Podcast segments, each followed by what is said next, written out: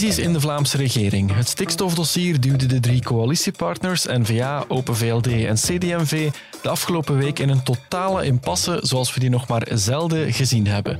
Wat is hier allemaal gebeurd? Komt dit ooit nog goed? En hebben de Christen-Democraten hun hand hier niet geweldig overspeeld? Mijn naam is Dries Vermeulen. Dit is Duidelijk. Duidelijk, de morgen.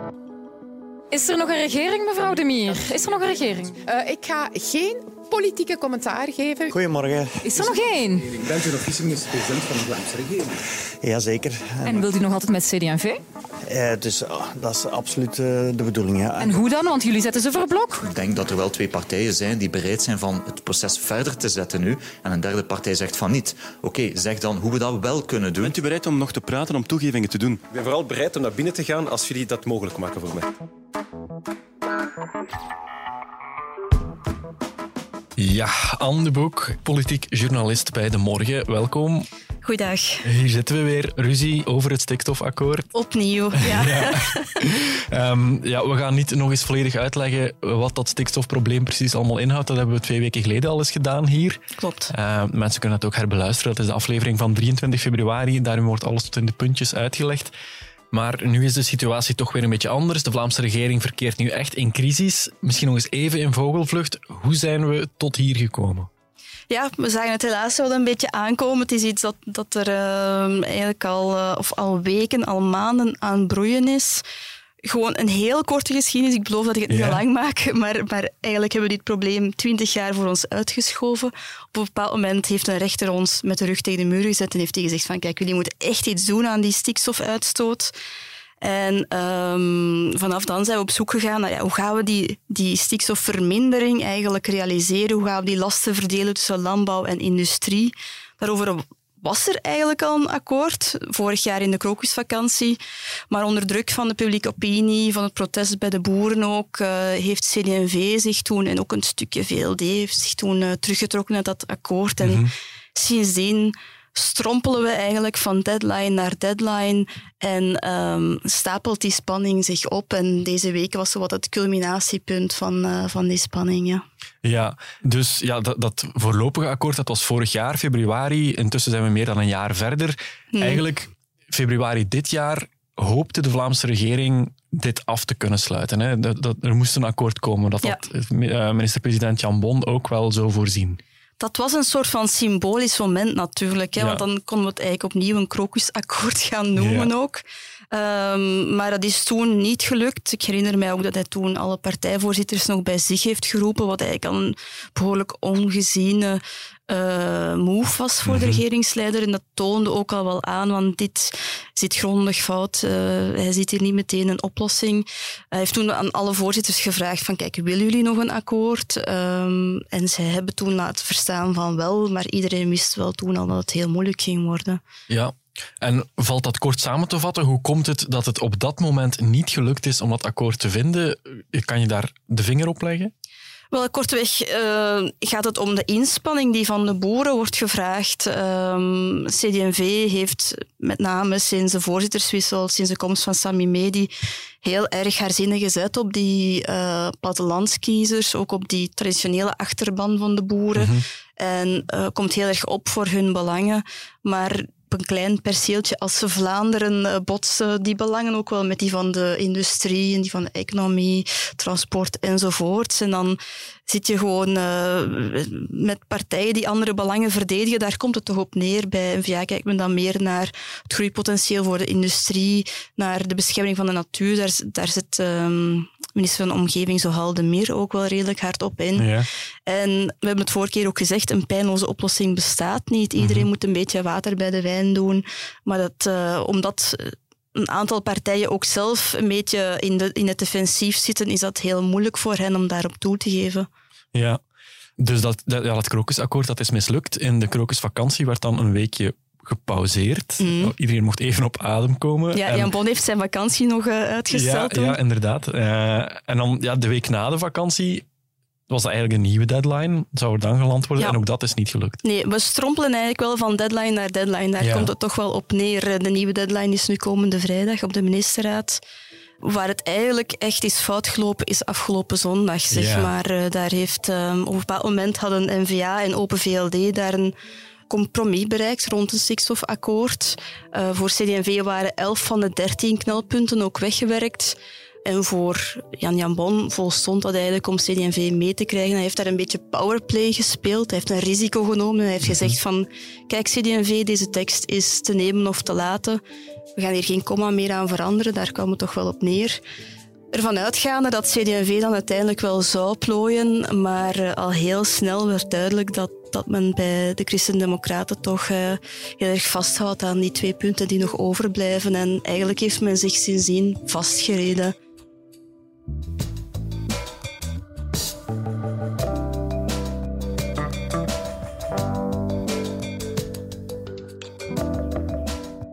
Ik kan naar eer en geweten zeggen dat ik er echt alles, maar dan ook alles aan gedaan heb om met de hele regering tot een akkoord te komen. N-VA en VLD blijven bereid om de CD&V de hand te reiken. Maar er blijven wel nog eh, een paar grote knopen waar voor ons moeilijkheden liggen, waar wij begrip vragen voor de situatie van de duizenden landbouwgezinnen in Vlaanderen. Het zijn eigenlijk de twee andere partijen die nu gezegd hebben, ja, je moet eh, volgen of eh, vertrek.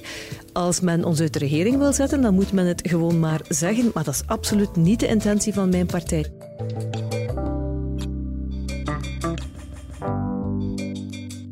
Ja, Anne, na zondagavond was er dus nog steeds geen akkoord. Ook niet na de poging van NVA om CD&V voor voldongen feiten te stellen.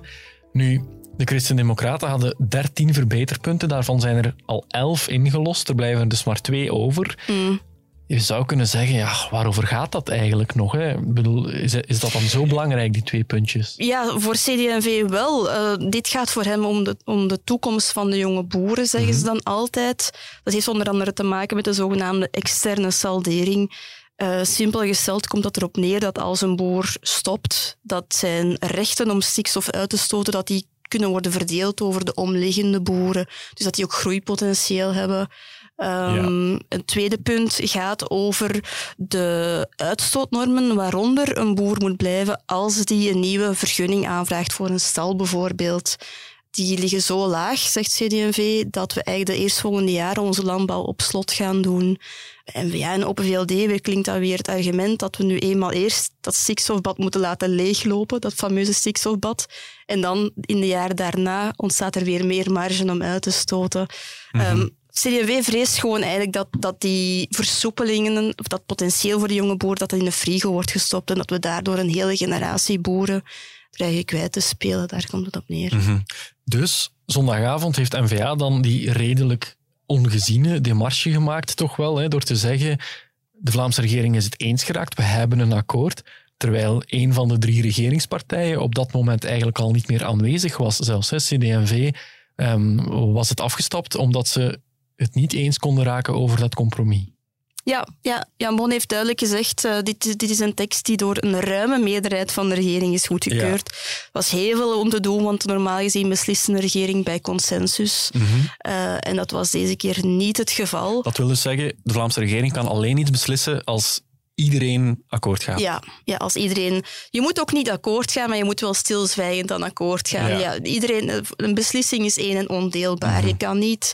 Eén partij kan niet niet akkoord gaan, om het zo te stellen. Dus uh, Dus die ruime meerderheid van Jan Bon, dat is dan eigenlijk onzin.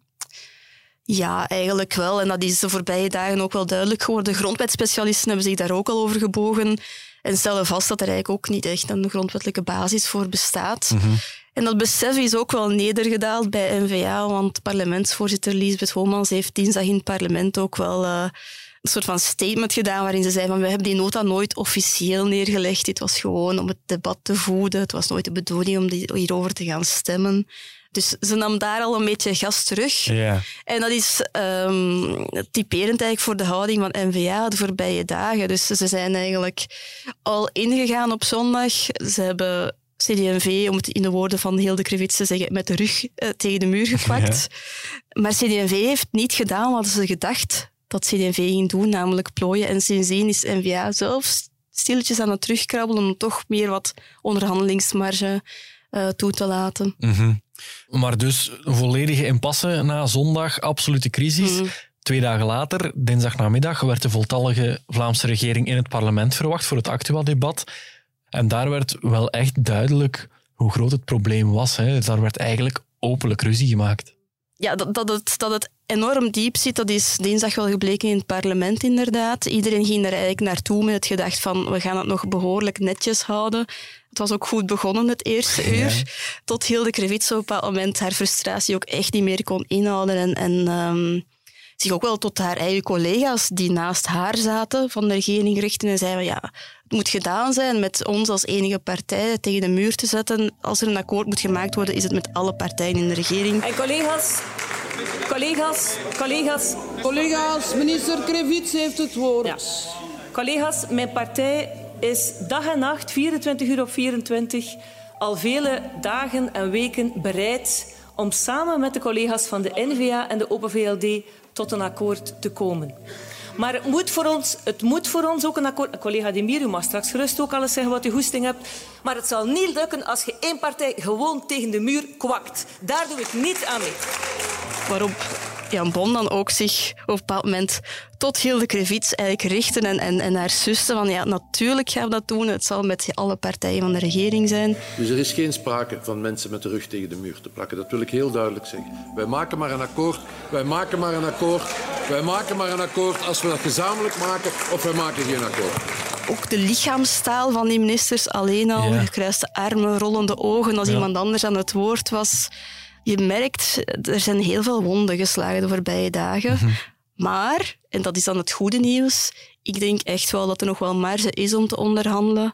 Uh, Jan Bon heeft dat zelf ook wel duidelijk gemaakt. Uh, op een bepaald moment zei hij zelf van ja, er zijn nog een aantal dingen afgetoetst afgelopen zondag die nog niet in die conceptnota staan.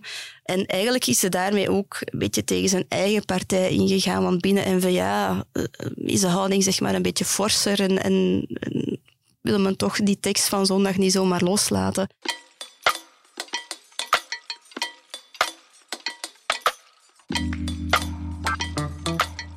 Diepe wonden geslagen dus, vooral dan tussen NVA en CD&V. Nu is de vraag hoe diep? Wat zijn nu nog de mogelijke uitwegen uit dit muurvaste dossier? En wat voorspelt deze frontale botsing voor de toekomst van die centrumrechtse coalitie? Het is nog ruim een jaar tot de volgende verkiezingen en tot die tijd zijn de drie coalitiepartners, NVA, CD&V en Open VLD, gedoemd om de rit samen uit te zitten, zegt Bart Eekhout, hoofdcommentator bij De Morgen. De Vlaamse regering kan in principe niet vallen, maar ze staat wel op het randje van de afgrond.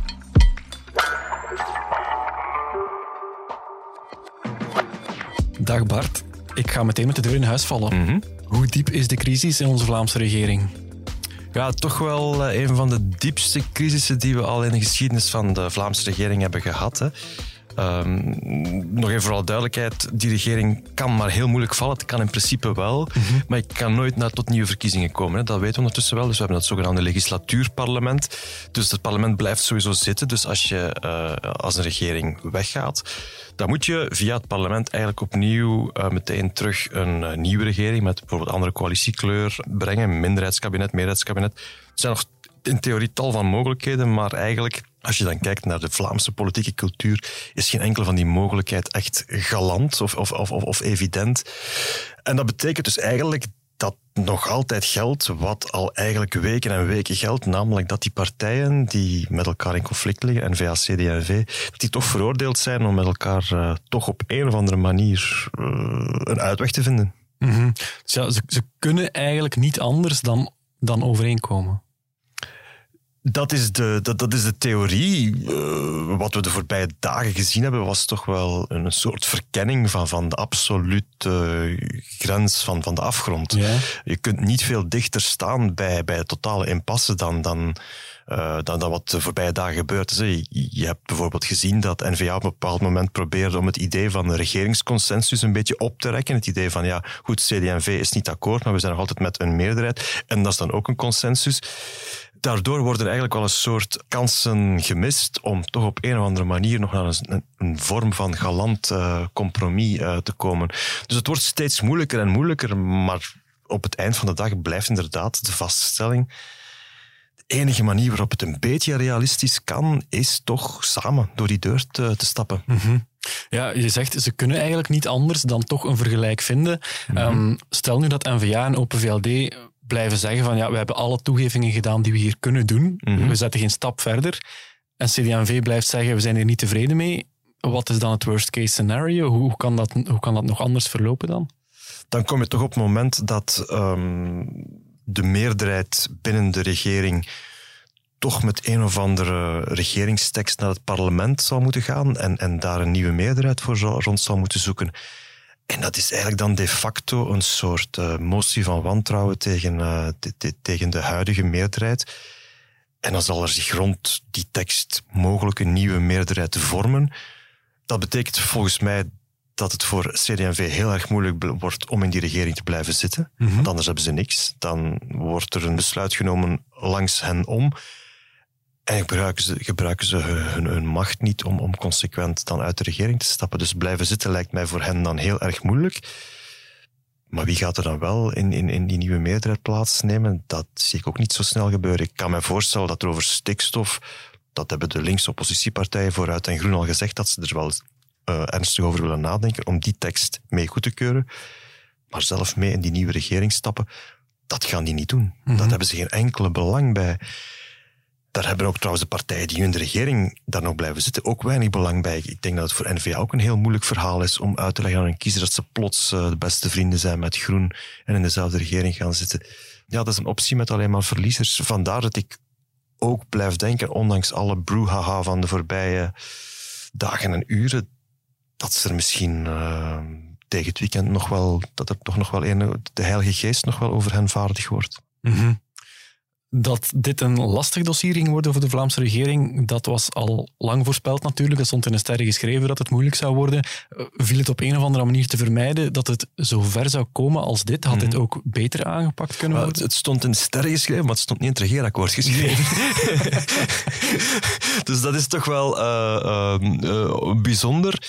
Dit antwoord moet ik een beetje in schuifjes. en, en we moeten toch spreken over gedeelde verantwoordelijkheid. Eh, als ik het heb over 30 jaar of langer mismanagement van, eh, of gebrek aan visie op hoe we die ruimte beter kunnen beheren, dan is dat natuurlijk de erfenis van veel ministers, van veel regeringen. En daarin speelt CD&V of CVP van vroeger toch wel een belangrijke historische rol in. Hè. Zij hebben op een uitzondering na eh, altijd de minister van Landbouw geleverd. Ze hebben vaak de minister van Milieu geleverd. Ze hebben de voorbije decennia nagelaten om bijtijds te handelen en een soort leefbaar stikstofakkoord met de, de, de landbouwsector te onderhandelen. Dus die historische verantwoordelijkheid die, die ligt absoluut onder andere bij, bij de christendemocratie. Anderzijds is de manier waarop de bevoegde minister, zowel de Mier, er in deze regeerperiode tegenaan is gegaan, ehm, ja, dat had ook wel met minder provocatie, je kunt met minder profile- profilering, je kunt met meer empathie voor eh, de landbouwsector. Waardoor ze eigenlijk ook wel een beetje ruimte heeft geschapen voor oppositie van bij Vlaams Belang. Want die mogen we ook zeker niet vergeten in dit verhaal. Hè. Dus De leeuwenvlaggen waren eh, prominent aanwezig op de laatste boerenbetoging. Maar ook binnen de eigen regering van het CD&V, die een kans zag om zichzelf te herprofileren via de, de, de oude connectie met de boeren. Ja, want dat moeten we ook nog eens even duiden natuurlijk. CD&V heeft er een aantal zeer slechte verkiezingsresultaten op zitten, slechte peilingen ook. En ja, onder de nieuwe voorzitter, Sami Medi, proberen ze zich opnieuw inderdaad te profileren als een sterkere partij. In dit geval de partij die het opneemt voor de boeren. En ja, ze menen dat wel echt serieus, blijkbaar. Ja, het past in een groter verhaal dat inderdaad eh, samenvalt met eh, het voorzitterschap van Sami Medi. Waardoor je eigenlijk zou kunnen zeggen dat CD&V, die vandaag in die Vlaamse regering zit, niet meer de CD&V is die er in 2019 is ingestapt. Dat was toch een geslagen partij. Ja. Met slepende voeten, de resterende boegbeelden die dan maar zelf in de regering zijn gestapt. Zonder heel veel goede garanties op een, een, een, een beleid waarop ze zich zouden kunnen profileren. Denk ook aan de, de problemen in de welzijnssector die ze zelf hebben mogen opsoppen. Die partij is eigenlijk een beetje weggeveegd, omdat je ook wel zag in de peilingen effectief dat dat alleen maar leidde tot een meer verdere evolutie van afkalving. En dus Sami Medi lijkt het toch anders willen te gaan aanpakken. Die, die, die gaat meer toch voor uh, een, een, scherpere profilering, een beetje een rechtstere partij, een beetje conservatiever terug.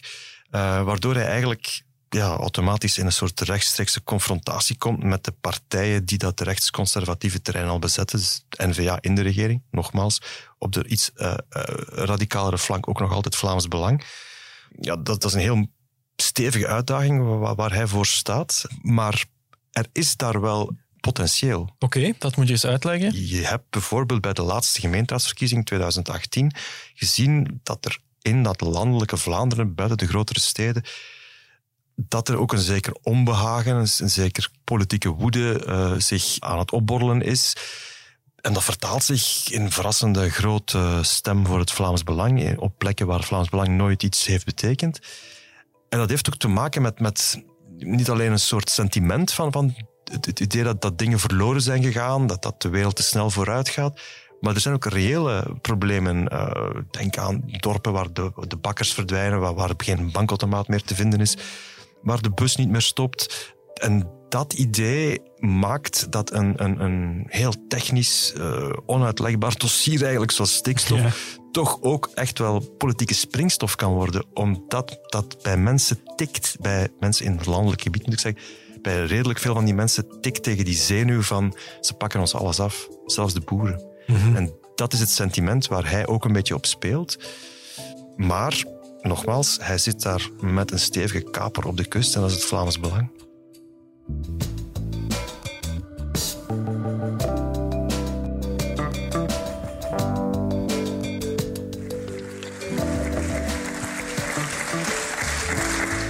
Beste collega's, deze regeerverklaring is een engagementsverklaring.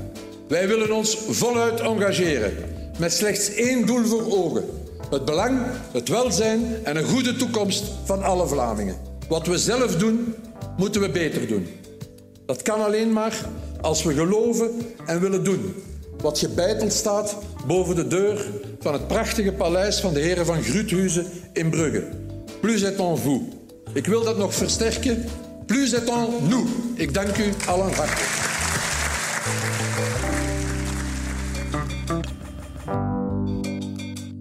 Bart, die regering Jan Bon is in 2019 begonnen met de belofte wat we zelf doen, doen we beter. Drie centrumrechtse partijen samen, dat zou een pak vlotter lopen dan het Circus Vivaldi werd gezegd. Mhm. Blijft er na deze crisis nog iets van dat idee over? Is die coalitie nu voorgoed dood en begraven? Goh, nooit zo heel lang in de, in, in de Belgische politiek. Je komt elkaar toch altijd uh, tegen na elke nieuwe verkiezingszondag. Dus dat weet ik zo nog niet. Maar of er tussen nu en 24, de, de volgende verkiezingsdag, of er daar nog veel grote plannen vanwege de Vlaamse regering moeten verwacht worden, uh, dat durf ik wel te betwijfelen, want de, de, de, de relaties zijn echt wel uh, ja, kapot gemaakt. Mm -hmm. uh, en dat is echt een onderschatte factor toch in de politiek. De manier waarop CD&V Jan Jan Bon toch ja, van de ene vernedering naar de andere stuurt, ja, dat blijft wel plakken, denk ik. Hè? Ja. Dus dat, dat, dat komt zeker niet meer goed voor 24. Maar mogelijk hebben die partijen elkaar nadien uh, toch weer nodig. Dus laten we toch maar opletten met te grote conclusies. Ja, ja. En Jan Jan Bon zelf dan, de minister-president, hem wordt wel eens wat zwakheid verweten, of toch zeker wat afwezigheid misschien ook in de, in de crisissen van die Vlaamse regering. Valt hem weer iets te verwijten? Had hij dit beter kunnen aanpakken? Ja en nee, dus ik moet alweer genuanceerd zijn. um, wat, vriend en vijand in de coalitie wel over hem zegt, is dat hij uh, alleszins probeert om deals te sluiten. Dat hij probeert echt wel zijn rol op te nemen van regeringsleider, dus een beetje boven het gewoel gaat staan en toch zoekt naar het compromis. Dat had hij ook vorig jaar met het, het vorige krokusreces uh, voor elkaar gekregen, toen het eerste stikstofakkoord gesloten is. Mm -hmm. En waar dan uh, langs de achterdeur CD&V verdwenen is via die bezwaarschriften. Uh, dat is allemaal niet heel erg netjes, moet je toch ook durven zeggen vanwege CD&V. Anderzijds voel je toch echt wel een beetje aan een zekere mentale afwezigheid en daardoor uh, onbeschikbaarheid van de minister-president, vaak op reis in het buitenland, uh, nooit echt bezig met de finesse van, van, van de heikele dossiers dat hij toch ook een beetje aan zijn afscheidstournee bezig is in de politiek. Het feit dat zijn eigen partijleider uh, Bart de Wever dat uh, een tijdje geleden zelf ongeveer heeft gezegd, dat hij niet helemaal op zijn plek zit daar als aan het hoofd van de Vlaamse regering, heeft de zaken wel, uh, wel, wel niet verbeterd. Hè. Ja, als een directeur komt zeggen dat binnenkort de leerkracht weggaat van de klas, dan wordt het voor die leerkracht achteraf heel erg moeilijk om de tucht in de klas te houden. Dat is een beetje de situatie die we... -hmm die we nu kennen in de, in, de Vlaamse regering. Ja, je zei daarnet al dat je misschien niet helemaal optimistisch bent, maar het toch ook niet echt ondenkbaar vindt dat er misschien toch nog een akkoord uit de bus zou komen. Mhm. We zijn nu donderdag. Hoe gaat het de komende dagen nog verder met dat stikstofdossier? Morgen ehm, is er een ministraat gepland, zoals elke vrijdag. En eh, de bedoeling is dat er dan toch een soort definitieve tekst op tafel komt. En dan zal het er een beetje van afhangen of er nog water bij de wijn gedaan wordt. Ehm, het zou logisch zijn dat de partijen N-VA en CD&V elkaar toch nog ergens in een of ander midden vinden. Dat de ene een beetje toegeeft op het ene, het andere een beetje toegeeft op het andere. Dat zou niet zo onmogelijk mogen zijn als ze over die profilering en die schade van de voorbije eh, dagen kunnen stappen. Dat denk ik is de enige gunstige uitweg die nog mogelijk is voor, de, voor, voor deze regering. Anders, als het morgen ehm, weer niet lukt, ja, dan wordt het toch echt wel een beetje therapeutische hardnekkigheid. Dan, Ja. eh, dan, dan, dan zie ik niet meer goed komen. Oké, we wachten met z'n allen af wie het koppigst zal blijken. Spannend. Bart Eekhout, dankjewel. Ik bedank ook mijn collega Anne de Boek. En u, beste luisteraar, bedank ik ook weer om erbij te zijn. Vergeet trouwens niet dat u deze podcast ook kan volgen via uw favoriete podcast-app. En als u daar dan toch bent, kunt u misschien ook een recensie achterlaten. Daar zijn we altijd heel erg blij mee. Als u ons wenst te contacteren, dan kan dat via podcasts.demorgen.be. En dan hoop ik u volgende week donderdag heel graag opnieuw te verwelkomen in een nieuwe aflevering. Dit was duidelijk.